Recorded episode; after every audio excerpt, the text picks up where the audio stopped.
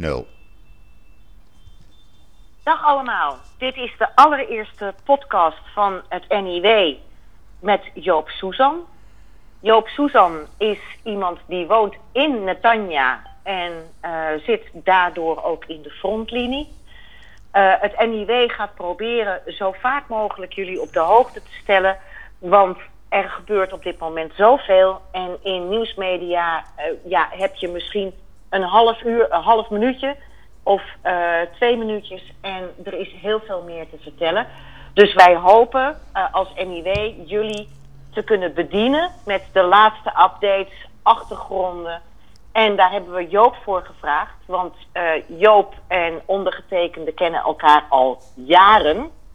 En um, ja, Joop houdt ook het nieuws ontzettend goed bij van wat daar gebeurt. Zoals jullie weten houdt het NIW het nieuws heel goed in de gaten van wat hier gebeurt. Dus wij dachten, waarom bundelen wij niet de krachten, zodat jullie allemaal gemakkelijk ook uitleg krijgen van wat er allemaal gaande is. Uh, ook als jullie soms denken van, we begrijpen een situatie niet of wat dan ook, dan gaan wij dat uitleggen. Dus Joop, ontzettend fijn. Welkom bij het NIW. Ja, ik vind het enig, Esther. Ik vind het heel leuk om te doen. En uh, ja, zoals je zegt, ik volg het, uh, het, nieuws van minuut tot minuut. En ik weet wat er gebeurt en wat er gaat gebeuren de komende uren en dagen. Dus ik wil iedereen wel uitleggen wat er precies aan de hand is, zodat uh, ja, iedereen goed geïnformeerd is. Ja, want aan die informatie wil het volgens ons nog wel eens schorten. Ja, dat hoor ik van veel en mensen. We, ja, en we hebben dan nu rustig de tijd om dingen uit te leggen. Ja. Um, uh, we, we, zullen het ook over een aantal dingen niet eens zijn. En dat mag ook, hè? Mag. Want anders, anders wordt het saai. Precies. precies. en hoe was het ook alweer? Twee joden, drie meningen. Dat bedoel ik. Snel, uh, precies. Laten we snel van start gaan. Ja. Allereerst, hoe heb jij de nacht doorgebracht? Dat, dan spreken we over de nacht van dinsdag op woensdag. Nou ja, gisteravond natuurlijk rond kwart over negen het ja, wat we verwachten, het luchtalarm. Uh, ja, dan ben ik niet zo iemand, dat zeg ik dan ook eerlijk, die meteen naar de safe room uh, rent. Ik ben even gaan kijken buiten. Toen uh, hield het luchtalarm op en een minuut later opnieuw het luchtalarm. En gepaard met drie luide knallen die boven het strand eigenlijk gebeurden. Daar werden dus twee of drie raketten de lucht uitgeschoten. En toen vond ik het raadzaam om even een minuut of vijf in de beveiligde ruimte te zitten. Ja, want de, die, die, die de, de, de secure room, ja. of de Gedder Atom heet het geloof ik in uh, het... In, ja. Um, uh, die zit in heel veel gebouwen in Israël. Kun jij uitleggen hoe dat, uh, hoe dat in elkaar zit? Wat, Ja. wat is dat? Het is een, soort schuilkelder boven, heb ik begrepen. Nou, niet echt. Um, in, de, in de gebouwen die de laatste tien jaar zijn gebouwd, is verplicht een beveiligde ruimte aanwezig. Dat wil zeggen, dat is een gewone kamer, alleen voorzien van dubbeldikke betondeuren, eh, betonwanden, een aparte luchtcirculatie, een aparte stroomvoorziening. Uh, er zitten ijzeren, stalen uh, schuifluiken voor het raam. Die kan je dus dichtschuiven en op een haak zetten. Dat is dik staal. En er zit een dikke stalen deur van een centimeter of zes dik uh, in de kamer. En dan sluit je jezelf dus op en je sluit jezelf af van het gevaar. Juist, want jij woont op 10 hoog of zo. 13, 13. Oeh, ja, ik moet er zelfs niet aan denken, deze, Ja. deze flatlander. Ja. Um, je had het net over luchtalarm en jij hebt op dit moment, heb ik begrepen, ook een raam openstaan. Ja, ik, uh, En, ik, dat, en dat is niet voor de frisse lucht, heb ik begrepen. Nou, het is nu ook voor de frisse lucht, want het was een beetje heet vandaag, 30 graden. Maar ik laat hem openstaan. Waarom? Op het moment dat die raketten eh, neerkomen, krijg je een enorme druk, luchtdruk. En ik wil niet dat mijn ramen eruit vliegen, dus ik hou altijd een raam open. Eh, in alle kamers trouwens. Sowieso. En dat doet iedereen. Juist.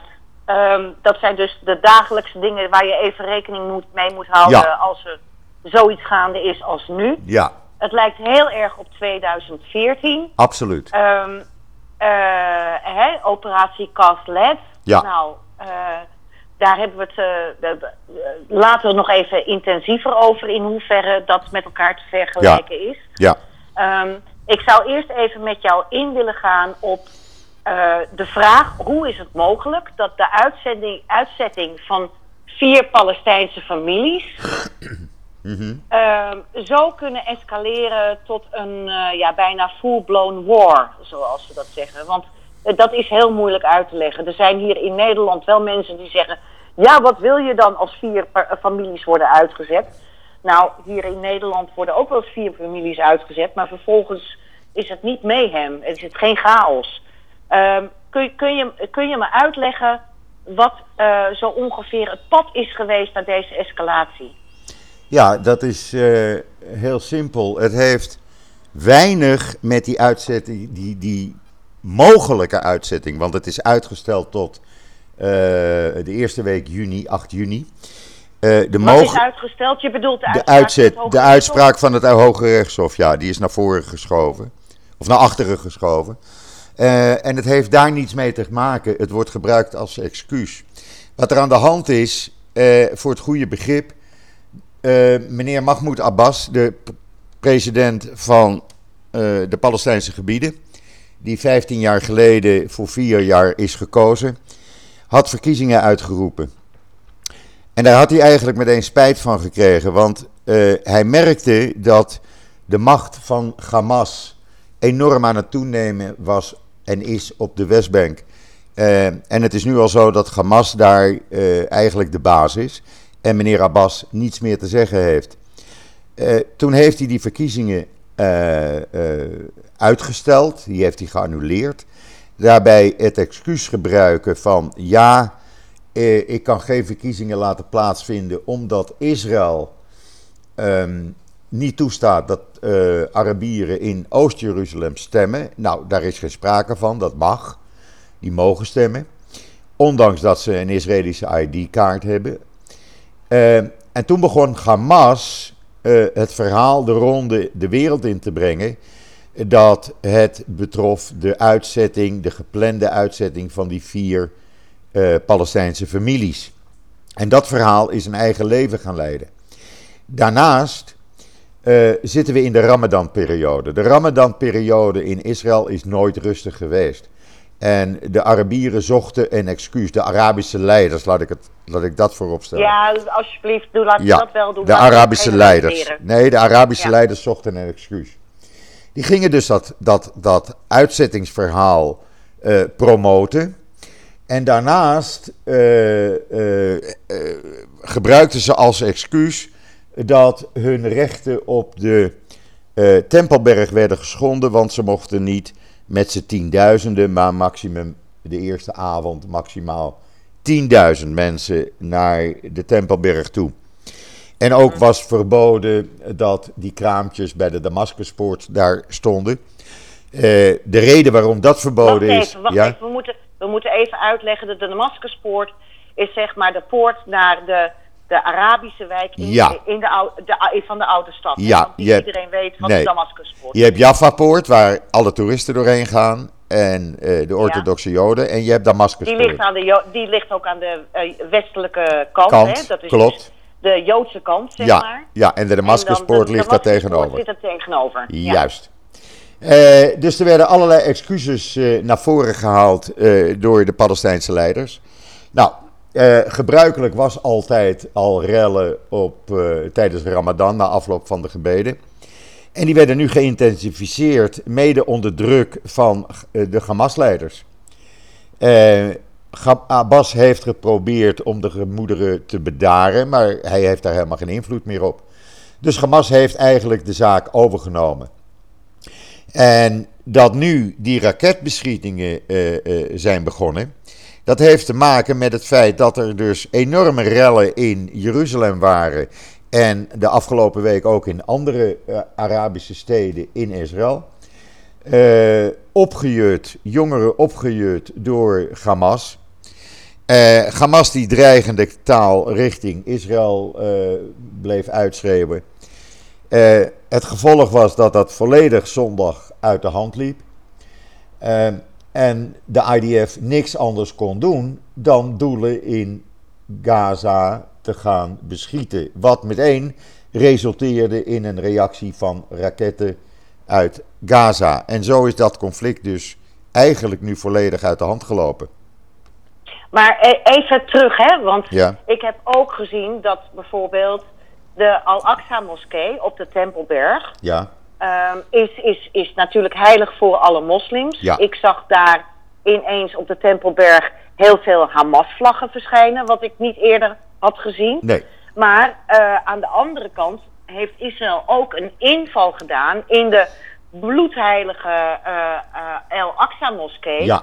En um, ik, heb ik heb foto's gezien dat er in de moskee stenen enzovoorts lagen. Dus ja, dat je een gebedshuis gebruikt voor, voor, voor het verzamelen van stenen is één ding. Aan de andere kant is het wel zo verstandig geweest dat daar in die heilige moslimplek uh, een inval is gedaan. Nou, dan moet ik een, een politiek verhaal nu gaan, uh, gaan opzeggen en dat ga ik ook doen. Want dat heeft alles met de politieke situatie in Israël te maken. En ik zal je zeggen waarom. Uh, het zag er verleden week naar uit dat er dus een overeenkomst zou komen waarbij de oppositiepartijen gezamenlijk met steun van de Arabische Ra'am-partij een regering konden samenstellen. Die overeenkomst had gisteren getekend zullen worden. Ja. Wat is er gebeurd? Netanyahu, premier Netanyahu heeft zijn minister van uh, politie, Amir Ghana, uh, het zijn gegeven, laat de politie de moskee maar ingaan. Dan weten we zeker dat er rellen komen. Dat is het verhaal wat hier in dat Israël. Dat is een enorme provocatie. Het is een provocatie, een bewuste provocatie geweest. Om te zorgen dat die regering niet uh, bij elkaar uh, uh, samengesteld kon worden. Nou, dat is gelukt. Want de Raan-partij. Ja, laten, we, laten we even. Laten we even even voor de verduidelijking. Ja. De politieke toekomst van Netanyahu hangt aan een zijden draadje. Ja. Uh, het is hem niet gelukt. We, jullie zijn, geloof ik, in twee jaar vier keer naar de stembus geweest. Ja. Het is hem niet gelukt om een nieuwe regering te vormen. En nu uh, is er een soort monsterverbond gesloten. Ik kan het niet anders noemen. Tussen de linkscentristische Yair Lapid en uh, Naftali Bennett. Wat toch wel een havik genoemd kan worden. Ja. Maar daar hebben ze ook andere partijen voor nodig om die meerderheid te scheppen. Ja. En het was natuurlijk wel uh, heel bijzonder dat ook eindelijk een coalitie van Arabische partijen, want het, het, er zijn geloof ik drie Arabische partijen in de ja. Knesset. Ja, ja, ja. En, en dat dus die coalitie eventueel mee zou doen aan die de, de, de landelijke coalitie, wat op zich natuurlijk uh, heel mooi was geweest, ook voor de emancipatie van de Israëlische Arabieren. Absoluut. Zij zouden dus geen minister worden, geen ministersposten, maar wel schriftelijk hun steun vanuit de Knesset uh, vastleggen. Wat betekende. Ja, wat wij hier in Nederland gedoogsteun ja, noemen. Wat betekende ja. dat ze dus kunnen rekenen op uh, een meerderheid van de Knesset. Ik moet daaraan Ja. toevoegen dat er ook de partij New Hope van Gideon Saar van deel uitmaakt. Afkomstig uit de Likud. Uh, En je kan dus eigenlijk spreken van een centrumcoalitie. een regering Ja, en de Likud, Likud, even voor de duidelijkheid, is de partij van Netanyahu. Ja, dat is de partij van Netanyahu. Dus Dus dat is een dissident. Ja, laten we zeggen dat er een, eh, een, een, een, een centrumregering zou zijn gekomen. Nou, Netanyahu kan deze eh, eh, puinhoop die we nu meemaken, die raketbeschietingen, uitermate goed gebruiken. En dat is hem ook gelukt. Dat was de laatste konijn, denk ik, uit de hoge hoed. Want eh, de, de coalitie is niet gevormd. Nu is het zo dat Yair Lapid nog 20 dagen de tijd heeft om eh, een coalitie samen te stellen. En de vraag is hier in Israël: eh, gaat Netanyahu de, de Gaza-actie, om het zo maar even te noemen, nog drie weken rekken? Of eh, stopt hij met het risico dat hij dan definitief premier af is? Even als geheugensteuntje: in 2014, de Gaza-oorlog duurde meer dan 50 dagen. Ja, dat, uh, die kan ik me nog levendig herinneren. het probleem natuurlijk met Netanyahu is ook dat als hij de politiek moet verlaten, of als hij geen premier meer is, dat hij dan ook een probleem heeft met de corruptierechtszaken die tegen hem lopen. Ja, de bedoeling is namelijk, en dat, dat ligt al, is al door de commissie in de Knesset aangenomen, dat er een, een wet komt dat een zittende premier die, die blijft dan immuun voor vervolging. En een, iemand die premier wil worden en onder strafvervolging staat, zou dus geen premier kunnen worden. Dat was het voorstel. Dat hebben ze nu veranderd. Nu maakt dat niets meer uit. Dus Netanyahu kan gewoon weer premier worden en wordt daarna immuun voor strafvervolging. Dat betekent dat zijn strafproces dus stopgezet wordt. Dus op het moment dat hij nu weer premier zou worden. Juist. Dat betekent dat hem die oorlog heel goed uitkomt om te zorgen dat hij aan de macht kan blijven en uh, de oppositie geen regering kan samenstellen. Duidelijk. Dat is ook dat geluid. Is Dat is een geluid ja. wat je hier bijna elke avond op televisie nu hoort hoor. Dus ja, ik... iedereen doorziet dat spel? Ja, ja, ja, ja, ja. ja. Oké, okay. dan, dan even um, naar uh, wat er nu gebeurt. Uh, we gaan zo even naar Gaza. Ja. Maar wat er nu gebeurt intern. Want um, we hebben twee intifada's gehad. Ja. En wat ik nu zie is dat er ja, een soort derde intifada is begonnen, bijna. laten we hopen dat hij niet doorzet. Maar wat ik zo eng vind, is dat um, binnen Israël proper, zoals we mhm. dat dan noemen, hè, de, mhm. de, de, Israël binnen de grenzen van 67, daar zit een Arabische bevolking die 20% van de Israëli's uitmaakt, waarvan uh, acht, uh, het merendeel moslim is. En dat, dat die, die groepering binnen Israël zich ineens ongelooflijk begint te roeren. Zelfs zo dat, dat er bijvoorbeeld een restaurant in Akko in de fik is gestoken. Wat juist het grote voorbeeld was van coexistence. Ja. Hè? Coexistentie. Dus van, van een, een, een, een zeer gerenommeerd Michelinsterren volgens mij uh, restaurant. Boeri, boeri. ja, precies. Waar, waar uh, Arabieren en Israëli's samenwerkten enzovoort. Uh, dat, die onrust binnen de grenzen van 67 of van voor 67, dat is volgens mij helemaal nieuw. Hè? We hebben Lot gezien, waar notabene een auto is geraakt door een Hamas-raket, waar een Arabisch-Israëlische familie in zat. Ja. Tegelijkertijd zien we uh, uh, rellen van, van Arabische jongere jeugd, want ik denk dat het vooral jeugd is, maar correct me if I'm wrong. Uh, wat is daar gaande? Want dat is natuurlijk uitermate bedreigend. Nou, wat er gebeurd is, is dat de jonge Palestijnen zich geroepen voelen om gehoor te geven aan de oproepen van Hamas en Islamic Jihad om te gaan rellen. je vergelijkt dat met de intifada. Ik vind het deze keer eigenlijk erger. Het is een soort vijfde kolonne. Er is in Lot bijvoorbeeld zijn er drie synagoges in de brand gestoken.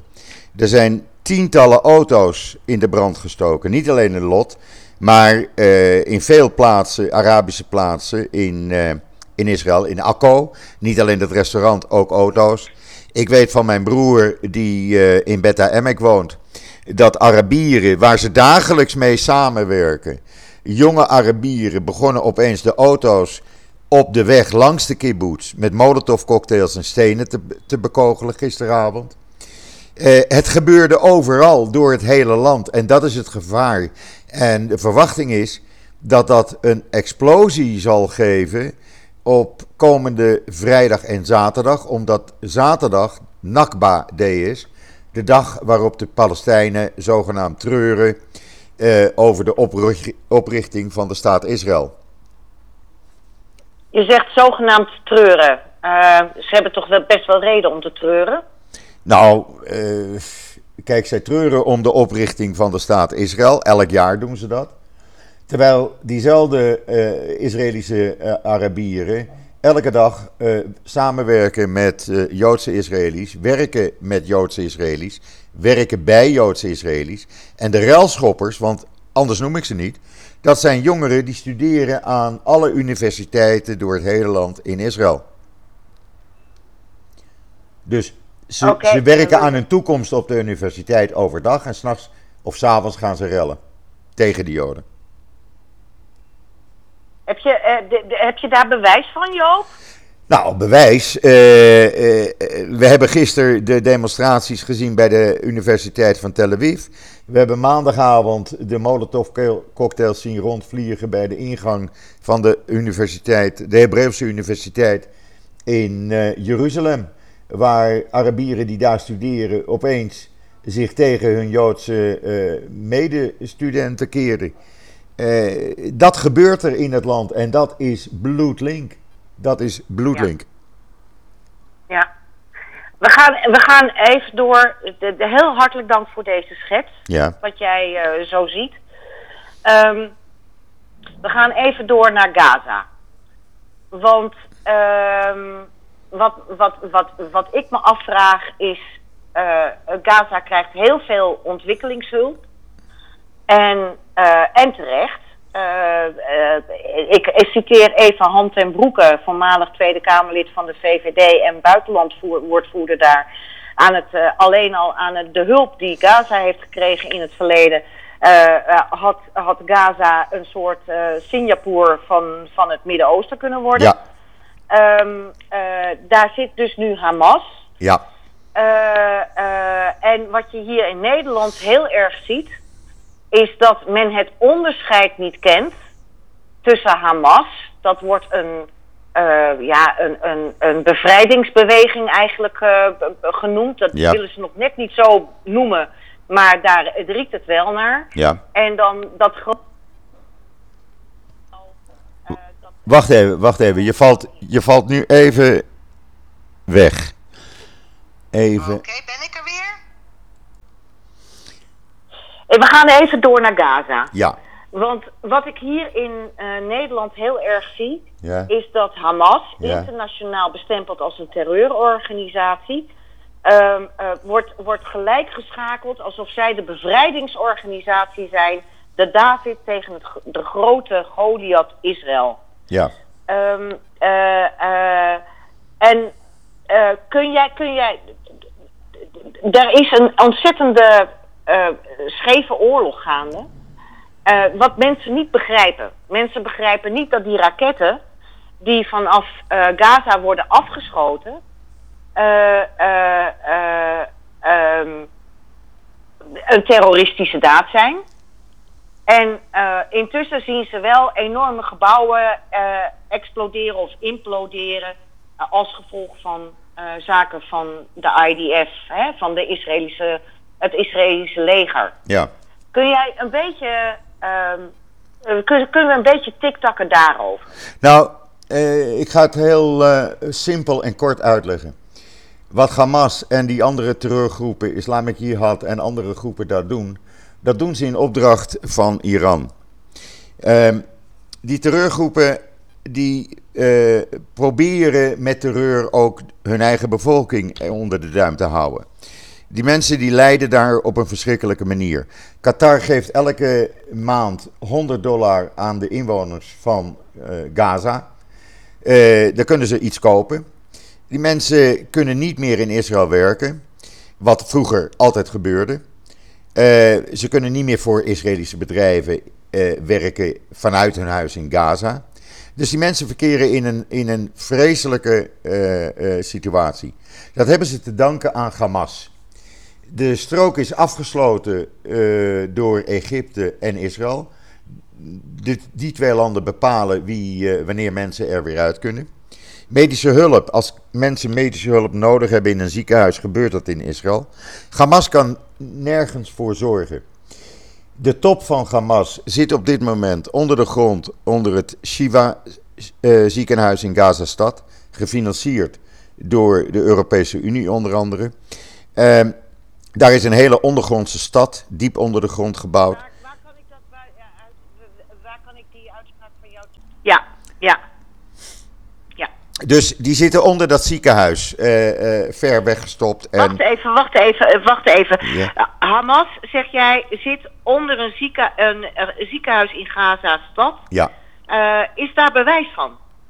ja daar, eh, dat is in Israël eh, eh, algemeen bekend. Dat is ook bekendgemaakt door de IDF. Er is gewoon een, eh, een ondergronds bunkercomplex onder dat ziekenhuis. Waar de top van Hamas, die in Gaza zit. Niet iedereen zit in Gaza. Hanei zit bijvoorbeeld ergens in de Emiraten. Ehm, eh, Wie is Hanai? Hanei is de leider van Hamas. Oké. En die zit in, eh, ergens in de Emiraten, als ik het goed heb, of Turkije. Eh, correct me if I'm wrong.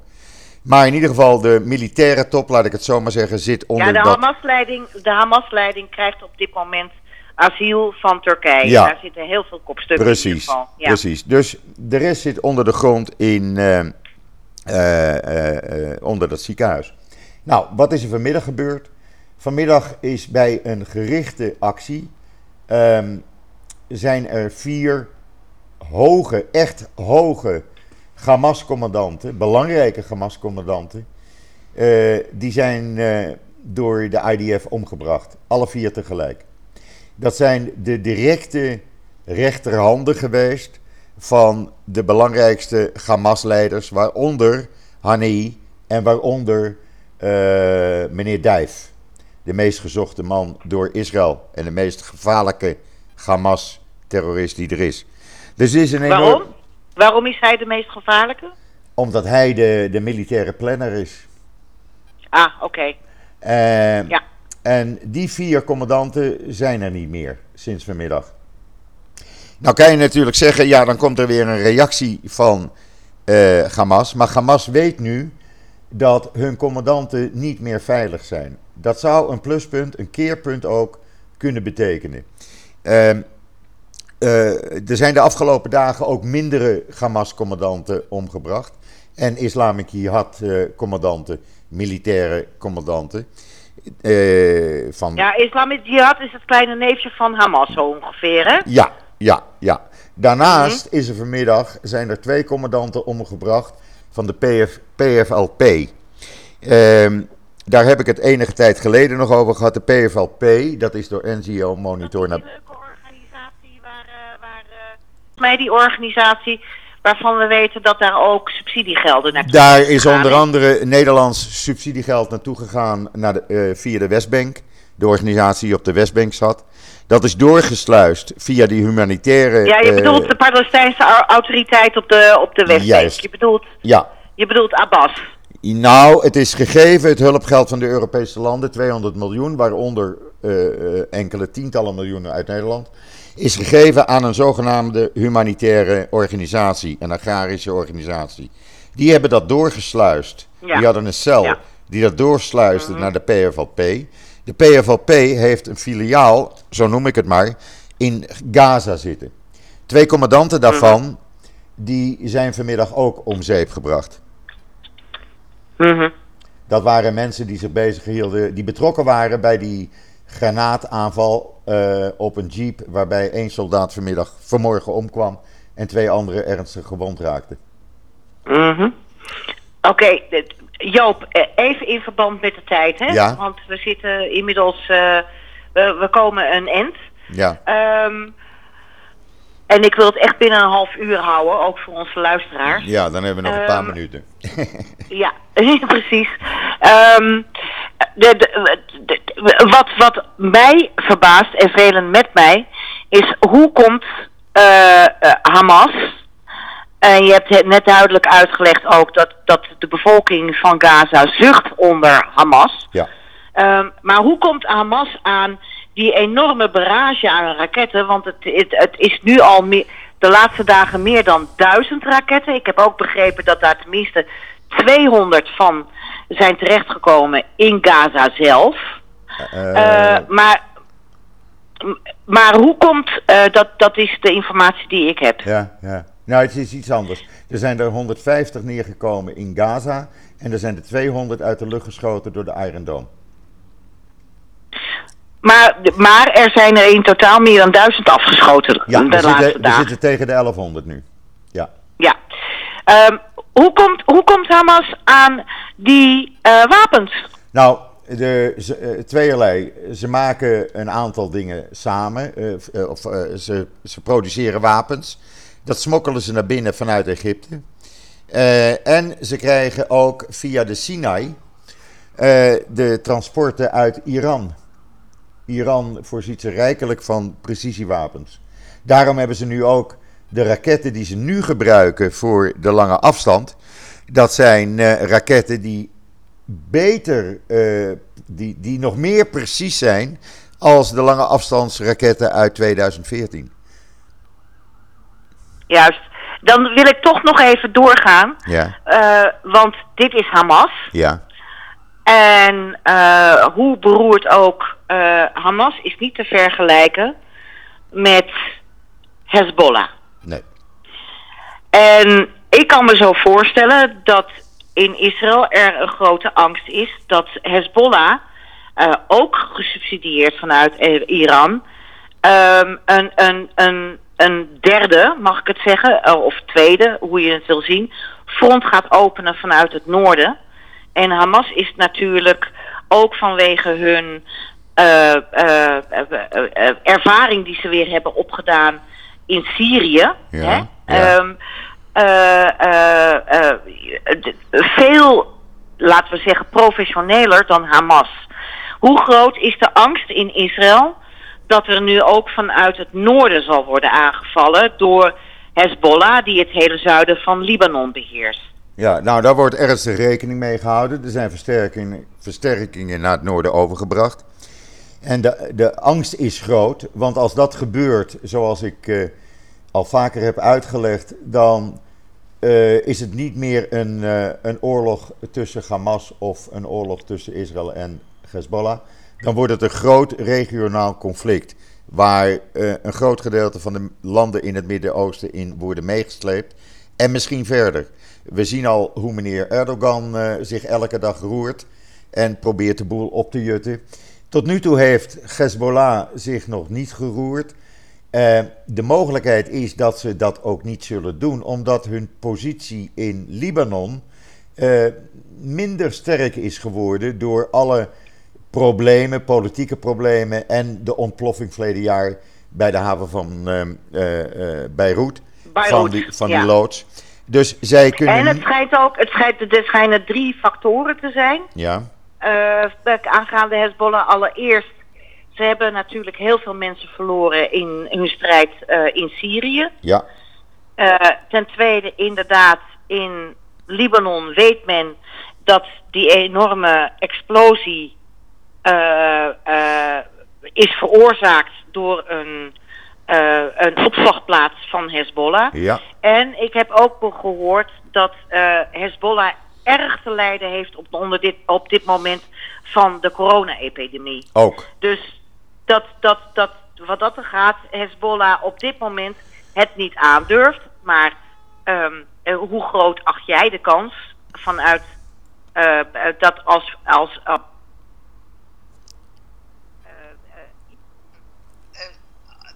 Gamenei. En een half uur later begon de barrage tegen Tel Aviv ja. vanuit Hamas. Uh, in hoeverre uh, denk jij dat het toch mogelijk is dat op het moment dat vanuit Iran weer een order komt, dat Hezbollah toch ook een noordelijk front begint te openen? Nou, die kans is aanwezig en ik acht hem groter als 50%. Daar wordt gewoon nou, rekening mee gehouden. Ja. Maar nogmaals, ik, ik hoop dat het niet gebeurt. Dat hoop ik van harte. Nou, ik hoop het ook voor de Libanezen niet. Nee, het hangt ervan af wat er in de komende dagen hier in Israël in de straat gaat, gaat gebeuren. Eh, eh, hebben de, denkt Hezbollah, we, hebben, we moeten steun geven aan de Arabieren in Israël. Dan gaan ze raketten afschieten en dat worden er dan duizenden per dag. Ehm, of houden ze zich in? Het hangt helemaal af van de politieke, eh, of, van de ontwikkelingen hier in Israël in de straat. En dat maakt het juist zo, eh, zo spannend allemaal. Oké man, nou we moeten er een eind aan breien. Ja, Dank voor dit eerste gesprek. Ja. Er is nog veel meer te vertellen. Oh jee, maar, dat gaan we morgen eh, doen. We gaan dat binnenkort eh, we gaan, we, gaan we snel weer doen. Ja, is goed. Ehm, ehm, we, gaan, we gaan gewoon kijken hoe het zich ontwikkelt. We houden het allebei enorm bij. Ja, En dit was dan de eerste podcast tussen jou en mij. ik vond het leuk. En eh, nou, leuk vind ik niet eens het woord. Nou, ik vond het leuk om om even te, even met je te praten. even, ja, het is goed om even te horen hoe er in Israël tegen aangekeken wordt. Want eh, van de andere kant is er voldoende eh, tegengeluid, zullen we maar zeggen. Ja, Dus dit is, dit is waar we zitten. En eh, we spreken elkaar morgen weer, man. oké, dankjewel. Fijne avond. Ja, jij ook. Oké. En, eh, en stay safe, jullie daar allemaal. doe mijn best. En dat geldt, Ik doe dat mijn geldt best. ook voor de Gazanen. Ja, voor absoluut. de. Absoluut, Ja. absoluut. Nee, Oké, ik eh, zorg goed voor mezelf. Oké, Oké, later. spreek je. Bye. Bye. Hi, hi.